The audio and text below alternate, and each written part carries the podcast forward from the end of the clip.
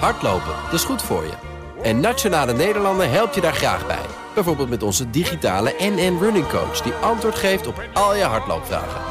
Dus, kom ook in beweging. Onze support heb je. Kijk op nn.nl slash hardlopen.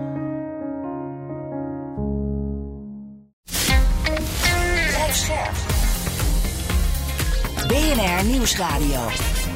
Boekenstein en de Wijk. Hugo Reitsma. Welkom bij Boekenstein en de Wijk. Het is maandag dag 705 van de oorlog. Aan het front zit alles nog steeds op slot. Veel gevecht bij Avdivka. We hebben het hier al vaker gememoreerd. Arend Jan, jij hebt nog wat uh, raketten geteld? Ja, en zondag zijn er dus twee ballistische raketten van de Iskander-aard in de Poltova-regio uh, neergedaald. En drie surface-to-air missiles in de Donetsk-regio. Hmm. Dat, is dus, dat is nog mild. Hè? Kennelijk sparen de Russen nog en dan komen er vast nog vreselijke, veel grotere aanvallen. Ja. Uh, meer algemeen las ik verhaal van de Washington Post op basis van uh, bronnen binnen de regering dat de regering Biden werkt aan een nieuwe lange termijn strategie voor Kiev. Uh, met meer nadruk op de verdediging in plaats van grondgebied terugveroveren. Dat, dat hebben we het hier ook wel vaker over gehad, hè? Ja hoor, dat is uh, helemaal in lijn met uh, wat we al een hele tijd uh, weten. Maar kijk, daar hoef je nou ook niet echt een militair genie voor te zijn om te weten dat dat moet. want Oekraïne komt gewoon niet veel verder. ze zitten met een geweldig probleem. er moeten eigenlijk 500.000 mannen worden geworven om de strijd verder door te kunnen zetten. En volgens mij zijn die 500.000 eigenlijk ook alleen maar nodig om de boel eh, vast te houden zoals ze het op dit ogenblik hebben. Ik zie niet goed in hoe die Oekraïners veel verder komen. Op dit ogenblik geldt het trouwens ook voor de Russen. Eh, dus eh, je, je hebt maar één mogelijkheid dan en dat is nadenken over hoe je uh, de, de verliezen nu nog groter kunt uh, maken. Zowel de verliezen in uh, termen van terrein als de verliezen in termen van, van mankracht. Hm. Want dat is natuurlijk de grote uitdaging van hoe zorg je ervoor dat je die Russen op afstand houdt zonder dat er elke dag honderden uh, Oekraïners worden doodgeschoten. Ik bedoel, uh, of gewond raken en voor de rest van hun leven ook niets meer uh, kunnen in die krijgsmacht. Nou ja, dat betekent dus dat je inderdaad moet gaan nadenken over veel meer defensieve wapens die er naartoe kunnen komen. dus luchtafweer, dat is een belangrijke. Maar ook fortificaties. En daar hebben we eigenlijk ook al een maand geleden, denk ik, uitvoerig over gesproken. Toen we hebben geconstateerd, nou die fortificaties gaan er komen. Uh, Oekraïne is nu ook tot de conclusie gekomen dat dat moet. Alleen ja, als je ze gaat bouwen, dan geef je daarmee ook het politieke signaal af. Ja, uh, we, we zien niet in dat we heel verder komen, maar we moeten ervoor zorgen dat Rusland niet nog verder oprukt. En daarom bevestigen we deze positie op dit ogenblik met, met fortificaties. Ja, Rob, ik lees ook rapporten dus dat Rusland nu met de drone competitie een voordeel heeft. Hè? Maar ik lees gelukkig ook rapporten dat Rusland gewoon niet goed is in offensieve operaties. Hoe moet ik dat zien? Nou ja, ze zijn niet goed in offensieve operaties omdat ze zich hebben ingegraven. Dus dat kun je zo helemaal volgens mij niet uh, zeggen. In het begin van uh, de oorlog was het volstrekt helder dat ze het niet konden. Uh, toen zaten ze echt continu te klunsen. en dat had te maken met het ontbreken van een commandostructuur. Het had te maken met het, um, met het ontbreken van een goed getraind kader. Te jonge officieren die werden ingezet en die moesten alleen maar naar boven kijken wat ze moesten doen. Er was geen enkele mogelijkheid om het initiatief te nemen. Dus dat liep eigenlijk al helemaal in het begin van de, van de oorlog van de rails. En dat is ook wel typisch Russisch. Maar nu zie je dus, ja, ze zijn echt ingegraven. En ze, komen ook niet veel verder, omdat de Oekraïners ook sterk zijn. En eigenlijk alles uh, wat beweegt op het slagveld en wat, wat rijdt, dat wordt binnen no time wordt dat onschadelijk gemaakt door de, door de Oekraïners. En dat betekent dus feitelijk dat ze met hele kleine groepjes op dit ogenblik proberen om doorbraken te forceren van 10, 20 man. Ja, weet je, dat gaat je dus ook niet lukken. Dus nee, het, de aard van het conflict is zo dat je, ook al ben je ontzettend goed in het offensief, het nog niet lukt. En, en, moeten we bang zijn over die berichten dat ze zeggen dat de Russen beter zijn in de droneproductie dan de Oekraïners? Ja, natuurlijk. Want uh, de, Rusland is gewoon een veel groter land. Ze hebben 100 miljoen uh, uh, mensen meer on, uh, onder de wapenen. oh, sorry, 100 miljoen inwoners meer. Mm Ze hebben een grotere defensieindustrie dan Oekraïne. In alle landen wordt het uh, het land Oekraïne overklast door Rusland. Dus het is een veel grotere tegenstander. En ja, uh, Rusland die kijkt natuurlijk ook wat er in het Westen gebeurt. Maar wij krijgen, zeker hier in Europa, onze wapenindustrie ook niet op orde. dus wat je hier in het Westen ziet, volgens mij was Politica nog, die daar zeer onlangs een stuk over schreef. Die zei van kijk, onder normale omstandigheden zou je denken dat er nu vaart wordt gemaakt met de aanbesteding van uh, defensiespullen. En dat daarmee de defensieindustrie een boost krijgt. Maar niet in Europa. Want hier blijven we gewoon vastzitten in geld, in procedures. ga zo maar door. Ehm, dus dat lukt, dat lukt gewoon niet goed. Dus in die zin heeft Rusland een enorm voordeel. Maar dat heeft nogmaals ook te maken met de omvang van het land. Ja, ik zag overigens wat kleine berichtjes, wel goed nieuws op dit punt, dat uh, Rijnmetaal weer een uh, nieuwe fabriek uh, gaat bouwen en dat Oekraïne een samenwerkingsovereenkomst heeft gesloten voor de productie van drones met Litouwen, waarbij Litouwen dan de technologie levert en Oekraïne de, de fabrikage kan opschalen. Is juist, hè? dus die, uh, die Oekraïnse defensieindustrie uh, die komt dus op stoom. Maar realiseer je wel, het is een land in oorlog. Ik heb uh, ja, een half jaar geleden eens een keer met die Oekraïners zitten praten van hoe doen jullie dat? Nou, dat is geen sinecure hoor, om in oorlogstijd de productie op hm. poten te zetten. Hoewel de Duitsers dat ook deden hoor, tijdens de Tweede Wereldoorlog. En hm. ze werden volop gebombardeerd en Desondanks uh, liep de defensieindustrie uh, prima. Maar dat doen ze ook gedeeltelijk ondergronds, heb ik, uh, heb ik begrepen. Dus dat is op zich wel interessant hoe ze dat doen. maar ja, tegelijkertijd moet je ook constateren, het is allemaal bescheiden. Het is een, een, land in oorlog en het is dus gewoon heel erg moeilijk om echt hele grote aantallen heel snel te produceren. Maar tegen het eind van het jaar moeten ze bijvoorbeeld een miljoen drones kunnen fabriceren. Ja. Pijnlijke zaak voor Oekraïne is opnieuw een uh, grote fraude ontdekt bij het Oekraïense ministerie van Defensie. Ja, het gaat dus over samenwerking tussen defensieambtenaren en de defensieindustrie. Dat is natuurlijk heel kwalijk. Maar er zijn wel vijf mensen gelijk uh, gearresteerd. Eentje probeerde zelfs te vluchten naar Polen. Uh, maar het gaat dus om 30 miljoen. En dat is gewoon voor mortiergranaten en die zijn gewoon helemaal niet geleverd het feit dat het ontdekt wordt en dat het gepubliceerd wordt, geeft mij toch een beetje hoop. Vind je niet? Ja, maar het is natuurlijk gewoon fraude. Ik bedoel, die, die fabriek Lviv Arsenal, uh, daarvan had eigenlijk nog nooit iemand uh, gehoord. En die bleek eigenlijk helemaal geen uh, granaten te kunnen maken. Dus dat, dat geld is doorgesluist naar een of andere bank op de Balkan. Nou ja, weet je, dit is natuurlijk gewoon fraude, corruptie van de bovenste plank. Maar ik ben het met eigenlijk dan eens dat het dus heel erg goed is Ehm, dat, dit, uh, dat die mensen gepakt zijn. Het past ook in een bredere trend. Zelensky maakt echt werk van uh, die corruptiebestrijding. Maar er is zoveel corruptie dat dat nog wel eventjes duurt. Hè. Weet je nog, september. Ja. Minister van Defensie Resnikov uh, die eruit is gegooid. Ja. Vervolgens zijn alle hoofden van de nationale recruteringscentra ehm, ontslagen. Nou gaan ze maar door. Er wordt behoorlijk ingegrepen. Maar het is wel endemisch hoor, dat probleem in Oekraïne. Het ging over 40 miljoen overigens in plaats van 30 miljoen. Ja, dat klopt. Ja. Mm. We moeten ook praten over die plan om Orbán onder druk te zetten. Ja, dit is de week van de waarheid. Hè? Donderdag is de Europese top, waarin die alsnog zijn akkoord moet gaan geven. En vanavond komen de minister van Buitenlandse Zaken al bijeen. En ze zijn dus nu echt heel kwaad op Orbán. Hè? En uh, sommige mensen praten over artikel 7. Dat betekent dat je Hongarije het stemrecht ontneemt. Maar dat kan niet, omdat ja, dat, dat moet unaniem worden genomen. En niet alle EU-lidstaten vinden het prettig om een, een lidstaat gewoon helemaal vast te, te zetten. Hè. Dus dat gaat niet lukken.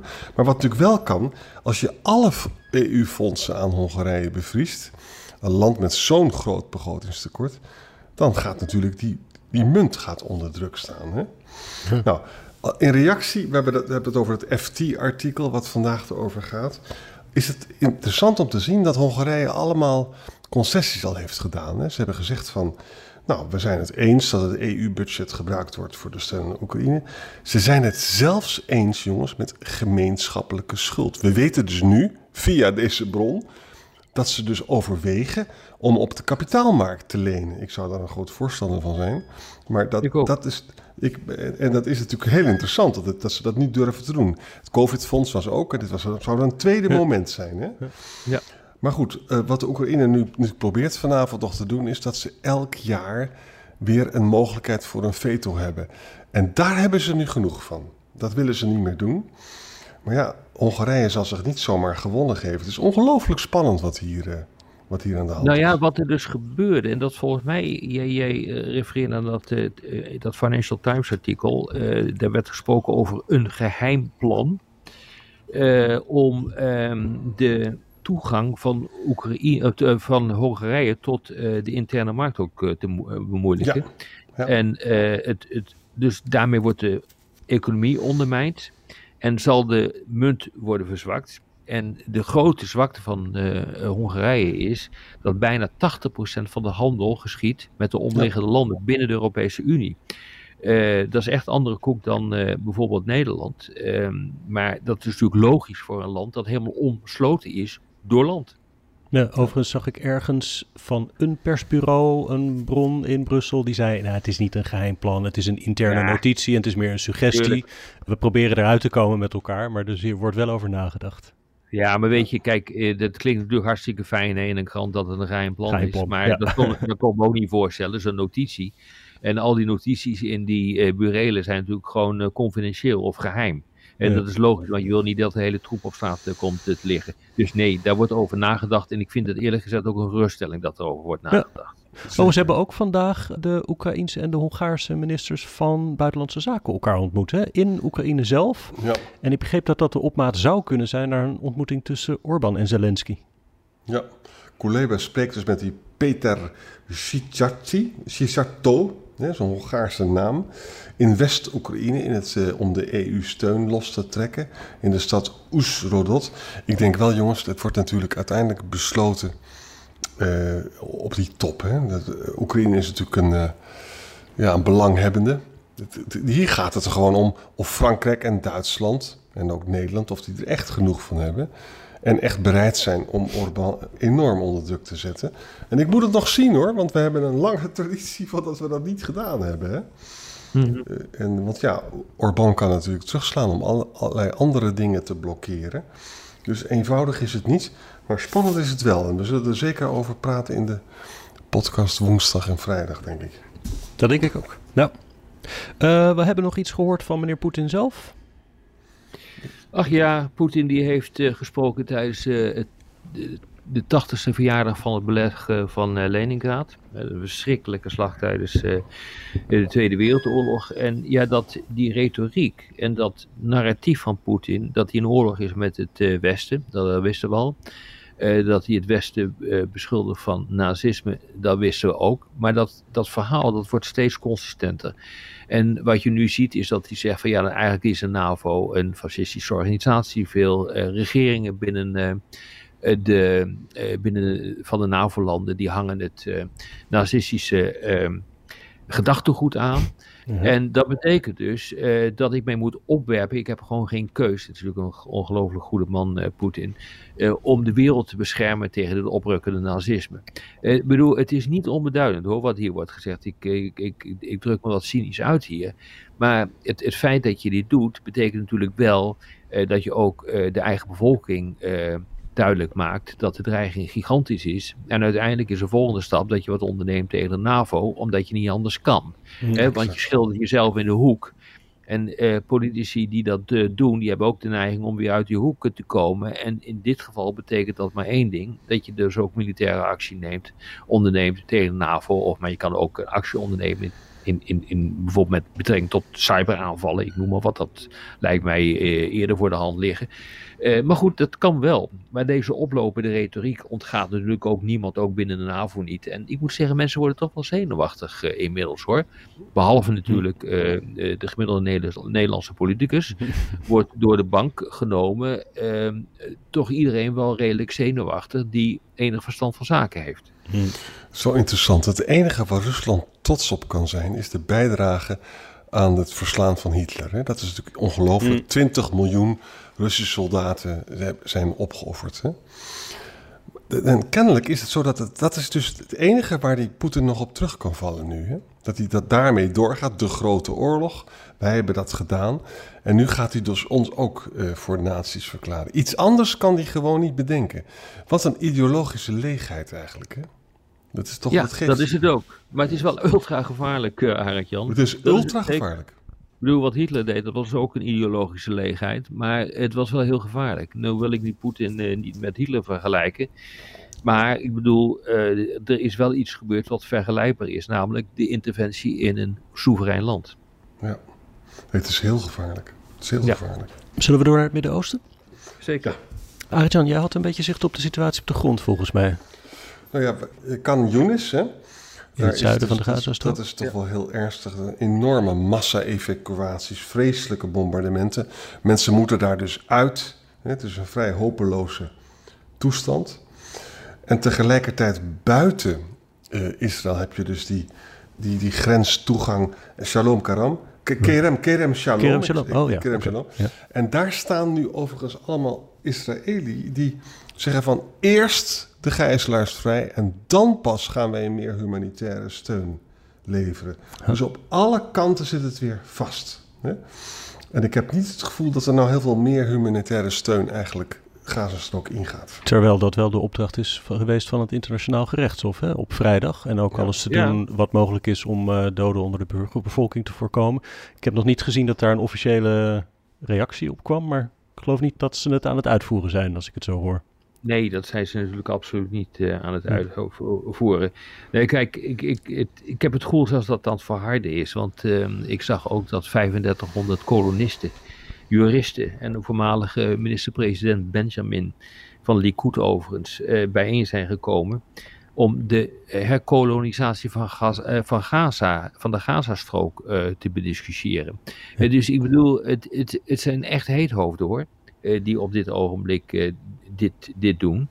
En ja, ik, daar maak ik me wel zorgen over, want dit betekent feitelijk dat het bijna onmogelijk is om tot een vergelijk te komen. Ik begrijp het allemaal wel, dat eh, mensen ongelooflijk gemotiveerd zijn en na de verschrikkelijkheden die door Hamas eh, zijn eh, begaan op 7 eh, oktober. Ik begrijp dat allemaal wel. Maar op een gegeven moment zul je toch ook eens even na moeten denken wat je nou eigenlijk wil. En dan kan dit niet een antwoord zijn volgens mij. Je hebt dus, we hebben al bericht over de, een, een opgespoten eiland in de Middellandse Zee, weet je wel. Ja, die willen die heet over dat doen. Uh, de Likud-vertegenwoordiger die zei van, zei iets heel keurigs. Israël wil een legale weg vinden om de Palestijnen die willen emigreren ook te laten emigreren. Je ziet dus, toen dacht ik, toen ik dat las, dacht ik van ja, als je dus Gaza-strook helemaal plat bombardeert, dan zijn er ongetwijfeld mensen die niet willen afwachten op de wederopbouw. Dat duurt natuurlijk ontzettend, dat duurt jaren. Hè? En het is van dat momentum gebruik maken om inderdaad mensen te verplaatsen. Maar bedenk goed, daar is Amerika fel tegen, daar is Egypte fel tegen, daar is Saudi-Arabië fel tegen. Ik vind het nogal wanhopig uh, klinken ja, allemaal. Nou ja, er is misschien nog één ding die wel interessant is wat er in de Gazastrook uh, zelf uh, gebeurt en hoe Hamas aan zijn wapens komt. Hebben jullie dat gezien? Uh, het, hm? het, blijkt dus dat, uh, kijk, 10% van de munitie ontploft niet. en als je dus een grote bom hebt uit een vliegtuig die niet ontploft, daar zit ontzettend veel springstof uh, in. Waarschijnlijk is de hoeveelheid niet ontplofte munitie bij Israël groter, omdat ze ook grip mochten doen in de arsenalen van Amerika. En daar zat vooral verouderd materieel in, dus dat ontploft dan niet. Huh? En wat, wat nu blijkt, is dat uh, die, uh, die fabriekjes van Hamas om uh, die nieuwe munitie te maken, die maken gebruik van ah. de niet ontplofte munitie. Ah, ja. vind, ik, vind ik echt interessant. Zo'n zo 250 pond bom, dat een grote, die niet ontploft, dat is goed voor honderden, dan misschien wel, wel, wel, duizenden, het hangt er vanaf wat je ermee gaat doen, voor nieuwe munities die je daarmee kunt uh, ontwikkelen. En er zijn hele fabrieken uh, op dit ogenblik uh, in de Gazastrook die zich hiermee bezighouden. En die zitten gedeeltelijk natuurlijk onder de grond in die tunnels. Ja. Ja. Hey, de, belangrijk bericht dat de financiering van de UNRWA, UNRWA, hoe zeg je dat? Dus de VN-organisatie voor de hulp aan Palestijnen, door een heel aantal landen, VS, grootste donor, maar ook Nederland, wordt gestopt na een beschuldiging van Israël dat verschillende leden van die organisatie betrokken waren bij de Hamas-aanval van 7 oktober. Laten we het even heel feitelijk behandelen, want er is hier toch veel over te zeggen, denk ik. Hè? Israël heeft een dossier gemaakt en, en ze mhm. zeggen dus dat 12 stafleden, volgens Netanyahu zelfs zelfs 13, hebben dus deelgenomen aan die uh, vreselijke pogrom van 7 oktober. Dat is natuurlijk schandalig genoeg. Hè? Nou, negen daarvan zijn al direct ontslagen. Twee daarvan zijn dood en één weet ik niet. Hm. Nou, wat er nu gebeurt is natuurlijk dat een heleboel landen, waaronder Amerika, Engeland, de EU, maar ook Nederland, Oostenrijk, Roemenië, de schorten de steun op. Maar dan moeten we even, wel e-, even de feiten noemen. Er werken 13.000 mensen bij UNRWA uh, in uh, Gazastok. Dat is een van de grootste werkgevers in de Gazastok. Als je de Gazastok afsluit, dan krijg je zo'n situatie natuurlijk ook. Hè? Um, daarvan worden er dus nu 13 mensen uh, worden dus uh, gezegd dat er wat aan de hand is. Nou, we moeten ook even bedenken dat de situatie, de humanitaire situatie is heel slecht in Israël. Dat, dat, dat mag je zeggen, ja. En, en, en UNRWA zegt zelf dat als nu dat geld er niet meer komt, dan zijn we binnen drie weken hebben we helemaal niks meer. Oei. Dus laat ik zeggen, ik zou toch wel heel erg hopen dat dat onderzoek dan heel snel gebeurt. Want ja, dit, dit zou anders meehelpen aan een nog verdere uitpersing van het gebied. Wat vind jij ervan, Rob? Nou ja, ik, ik moest onmiddellijk denken aan de discussie die we een paar minuten geleden hebben uh, gevoerd over Oekraïne en die fraude die daar is opgerold. Hmm. En je ziet onmiddellijk in de pers, en dat zie je nu ook, uh, ook niet alleen de pers, maar ook uh, vooral op de sociale media moet ik zeggen van ja, dat, dat betekent dat we gewoon dat we allemaal niet meer moeten steunen. Maar je gooit daarmee ook het kind met badwater weg. Steun je Oekraïne niet meer, dan overwint uh, uh, Rusland. Ja. En dan is de kans vrij groot uh, dat de veiligheid van Europa nog meer in het geding komt te zitten. Doe je dit niet met, met UN-RWA en zeg je van nou bekijk het maar Palestijnen. Dan is het netto effect daarvan dat de situatie nog ernstiger wordt. En het interessante dan is eh, dat je feitelijk ook eh, het Hof in Den Haag in de kaart speelt. Die heeft aangetoond dat wat hier gebeurt niet kan. Dus je maakt de humanitaire tragedie eigenlijk alleen nog maar groter. Want realiseer je, deze organisatie is in 1949 opgericht naar die Al-Nakba van 1948, die massale vlucht van de Palestijnen. Om ervoor te zorgen dat ze beschermd worden. Wat er gebeurt is uitermate ernstig. Dat geldt ook voor wat er gebeurt in, uh, in Oekraïne met die fraude en met die corruptie. Zeer ernstig, kan niet. Worden maatregelen genomen. Guterres heeft dat ook uh, uh, gezegd. Maar ja, ik ben het echt eens met, uh, met Aan Jan. Je kunt niet, laten we zeggen, de hele Gazaanse bevolking de dupe laten worden van negen mensen die totaal uit de bocht zijn gevlogen. Dat kan niet. Ik bedoel, er gebeuren in elke organisatie gebeuren dit soort dingen. Ja. ja. Je zou zelfs kunnen zeggen, als er 13.000 mensen werken voor UNRWA en er zijn slechts 12 mensen uh, geïncrimineerd nou, dan valt dat nog mee. Hoe erg het ook is. Hè? Ik bedoel, het mag absoluut niet gebeuren. Het gaat over een, een school counselor, die heeft dus meegewerkt met het kidnappen van een Israëlische soldaat. Dat is natuurlijk helemaal niet goed. En, maar de consequenties zijn gigantisch hiervan. Hè? Dus ja. de, de, ik, ik heb het gevoel dat dit soort besluiten heel snel worden genomen van we moeten iets doen, dit kan absoluut niet. Eens. Maar denk nou even tien minuten na over wat de gevolgen hiervan uh, zijn. Tja, ook, en denk dan, oh, plaats het even in de context van de opmerking die het Hof heeft uh, gemaakt. Want je ja. draagt met dit, met dit gedrag, draag je natuurlijk ook zelf bij aan het verergeren van de situatie in, uh, in Gaza. Waar we het ook over moeten hebben is natuurlijk die aanvallen van Iraanse proxies op Amerikaanse uh, basissen. Bij de, die basis Tower nummer 2 of uh, de Jordaans-Syrische grenzen. Drie Amerikaanse soldaten dood voor het eerst en 24 gewonden. Nou, dit heeft natuurlijk ook in de Amerikaanse politiek gaat, gaan ze daar dus vreselijk mee aan de gang. Hè? En dan zegt dus Lindsey Graham, ja, zie je wel, Biden is veel te aardig geweest tegen Iran. En dan schreeuwt hij bij uh, Fox, hit Iran now, hit hm. them hard. Hè? Terwijl ja, luister eens, het is toch ook wel een heel aardig idee om een regionale oorlog te voorkomen. Hè? Maar goed, Lindsey Graham zegt, Biden heeft de moela's aangemoedigd met zijn slappe gedrag. Hè? Nou, als je dat helemaal onderzoekt, dan zie je dus dat ook onder Trump hè, is ook heel vaak, een, heeft Trump zelf een aanval die heel excessief was, heeft hij verboden om te doen. Hm. En het is ook zo dat Biden in het verleden wel degelijk heeft geretaliëerd als, uh, als die proxies aanvielen. Dus mm -hmm. hier zie je dus hoe dysfunctioneel eigenlijk die Amerikaanse politiek is geworden. Hè? Ja, ja.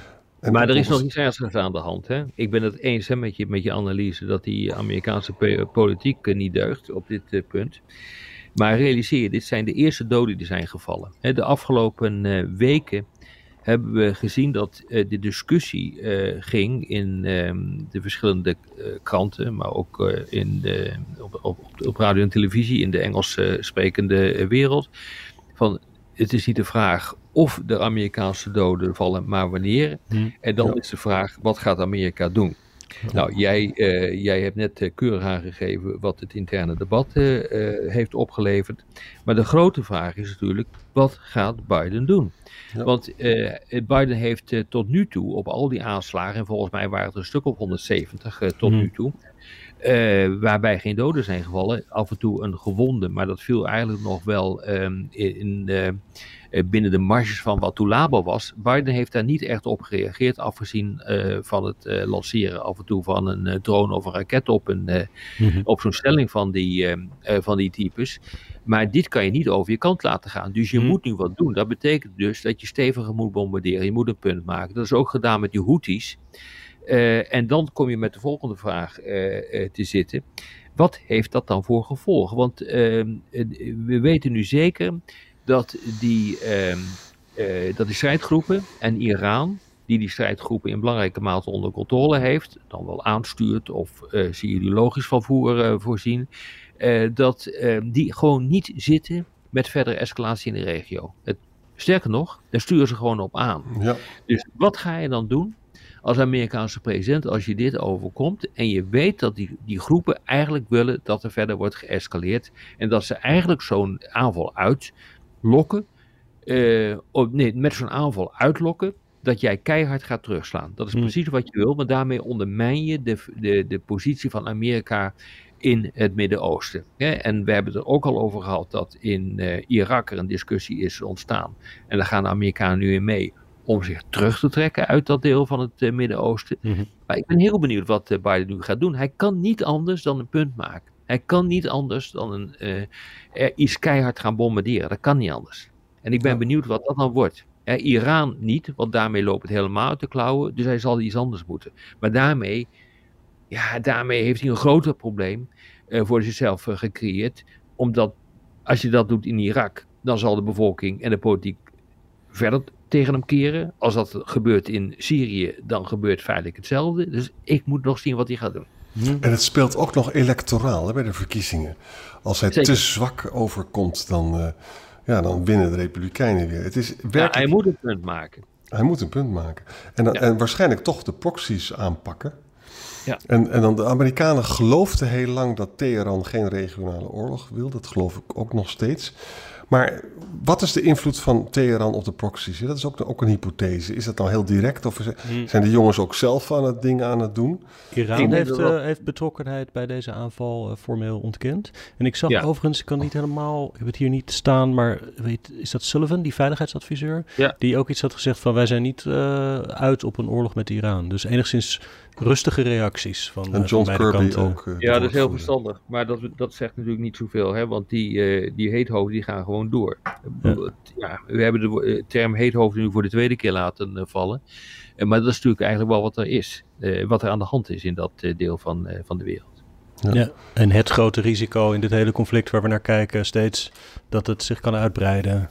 Exact. Ja. Het zou aardig zijn om dat te voorkomen, vind je niet? Ja. Laten we dat hopen. hey, ik uh, dank yeah. jullie voor vandaag. Ja, ja. tot, tot morgen. Morgen gewoon verder, hè? Ja, zeker. Business Booster. Hey ondernemer, KPN heeft nu Business Boosters. Deals die jouw bedrijf echt vooruit helpen. Zoals nu, zakelijk tv en internet, inclusief narrowcasting... de eerste 9 maanden voor maar 30 euro per maand. Beleef het EK samen met je klanten in de hoogste kwaliteit. Kijk op kpn.com businessbooster. Business Booster.